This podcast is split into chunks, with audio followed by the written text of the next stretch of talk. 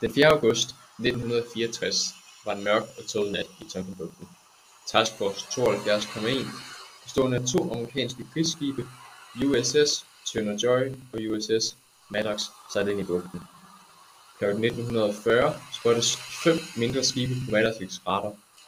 De to amerikanske krigsskibe sætter en ny kurs med højere fart for at undgå de fjendtlige skibe. Cirka to timer senere kommer kontakt igen. Denne gang 20 mil tættere på Task Force 72,1. Kl. 21.39 den Undertøj og Maddox skib mod de små skibe. Og efter 40 minutters intens ildkamp har de sunket et skib og en stor, tyk røgsøjle kan se snor til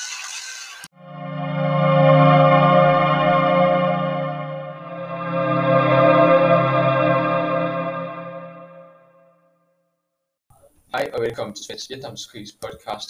I dag kommer det til at handle om Tonkinbugten og hvad der egentlig skete tilbage i 1964. Til at besvare vores spørgsmål har vi som altid gode gamle historiker Lars Erik, der er ekspert på Vietnamkrigen og især Tonkinbugten. Dertil har vi også Adam Kirk, med, som er ekspert i USA's politik og, øh, og strategien under den kolde krig.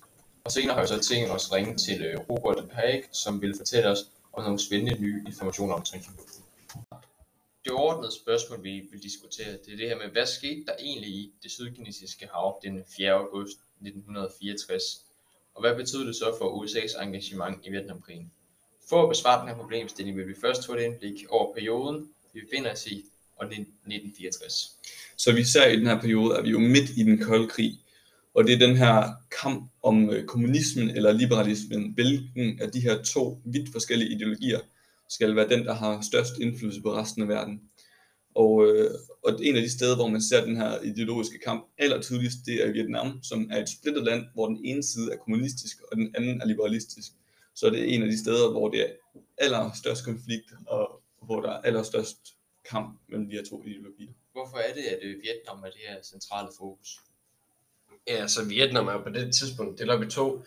Øh, vi har øh, Nordvietnam på den ene side, der er et kommunistisk styre, støttet af Kina og USA. Øh, og på den anden side har vi øh, Sydvietnam, der er støttet af USA. Hvor vi på det tidspunkt ser en opstand øh, om Sydvietnam, hvor borgerne er tilfredse og undertrykte af det korrupte styre. Og øh, så ser vi også, at på det her tidspunkt er støtter USA egentlig kun Sydvietnam med militær rådgivning. Så der er på det her tidspunkt ikke nogen amerikanere, der er i fare under krigen her i Sydvietnam. Det er kun vietnamesere, der er i reel krig.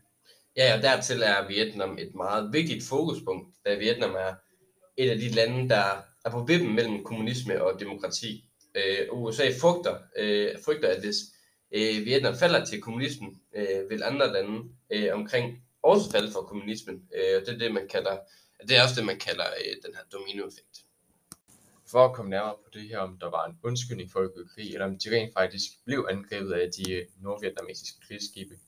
Øhm, for at besvare det, vil vi gerne kigge på en af de nye offentliggjorte efterretningsrapporter, som viser, at øh, Johnsons vidste godt, at de her angreb på amerikanske skibe var rent opstand.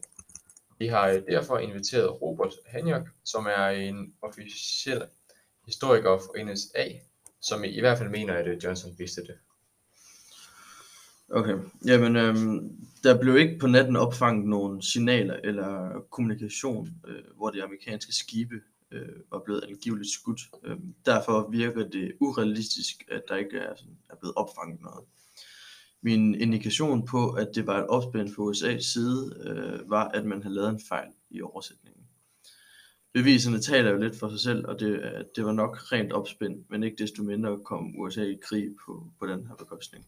Hvorfor ville øh, USA's præsident og sine embedsfolk lyve?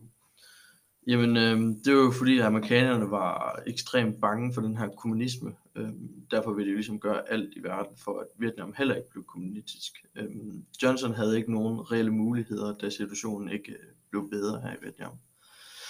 Han skulle enten trække sig eller gå i krig. Johnson valgte øh, så at, at gå i krig, derfor holdt han talen.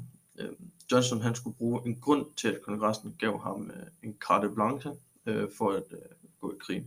Grunden var baseret på, på en løgn, og da vietnameserne aldrig havde angrebet de amerikanske skibe. Øh, Johnson slap afsted med den her løgn, øh, og da kongressen gav ham resolution, hvor krigen dermed så blev til en realitet. Dertil har vi også en kilde, som er et telegram fra USA Turner Joy, som blev sendt den 5. august, og den blev sendt til Washington. Skynder to torpedobåds angreb fandt sted, må dog indrømme to faktorer mangler. Ingen elektrisk aktivitet fra to- to- torpedobådene. Dog taktikken synes Dog taktikken synes det vil sige efter kølevandsbølgen forklarer således manglen på radiosignaler, ingen tegn på torpedostøj, ingen, ikke engang der gik langs siden. Engangsstøj var meget høj. Ingen elektronisk støj fra et krigsskib virker mærkeligt, øh, da de ikke kunne kommunikere, især krigsskibe. Dertil har vi også et øh, andet telegram, som er blevet sendt fra USS Maddox, som blev sendt den 4. august, og den blev også sendt til Washington. Og de her forskellige telegrammer, telegrammer er udgangspunktet for Johnsons tale. Jamen altså, gennemgang af aktionen gør mane optagende kontakter afføde torpedoer tvivlsom. Vanskelige vejrforhold, overrivelige mænd øh, ved sonaren øh, kan have afgivet for mange rapporter.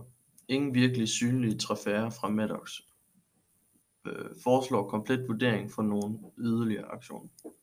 Ser vi på det tidspunkt, Johnson gik i krig, er det på et usikkert grundlag, da man ikke ved særlig meget om, hvad der egentlig skete.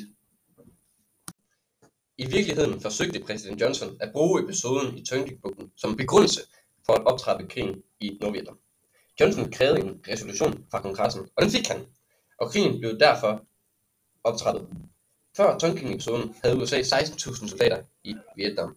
Et par år efter havde de over en halv million soldater i Vietnam. Så øh, for at komme lidt dybere ned i Tonkin-episoden, har vi fundet præsident Johnsons oprindelige tv-tale, som udkommer lige efter den her episode i den øh, 4. august 1964. Her i talen hører vi, at to amerikanske skibe er blevet angrebet af nordvietnamesiske skibe, og at der er mod sandsynligvis er blevet sænket to fjendtlige skibe. Så selvom der ikke er blevet såret nogen amerikanere, er det bare det, at der har været et forsøg på det, som bliver argumentet for at gå krig. Dertil var de to amerikanske skibe også i nordvietnamesisk farvand, så man kan næsten sige, at der blev fremprovokeret et angreb. Altså man, man kan sige, at de legede med ilden i håbet om, at den ville fange flammen. Ville øh, USA så egentlig gerne i krig med Vietnam, og øh, hvorfor havde de brug for den her undskyldning?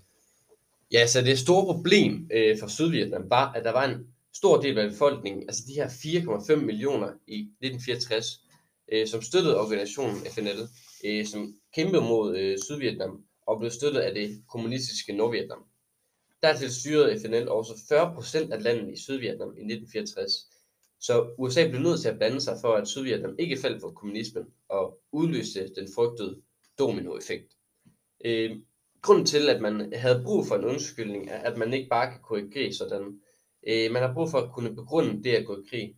Øh, det er også en bedre forklaring for befolkningen, øh, så de støtter op om det, øh, og hvad øh, er en bedre begrundelse for at gå i krig, end at beskytte øh, folk fra sit eget land.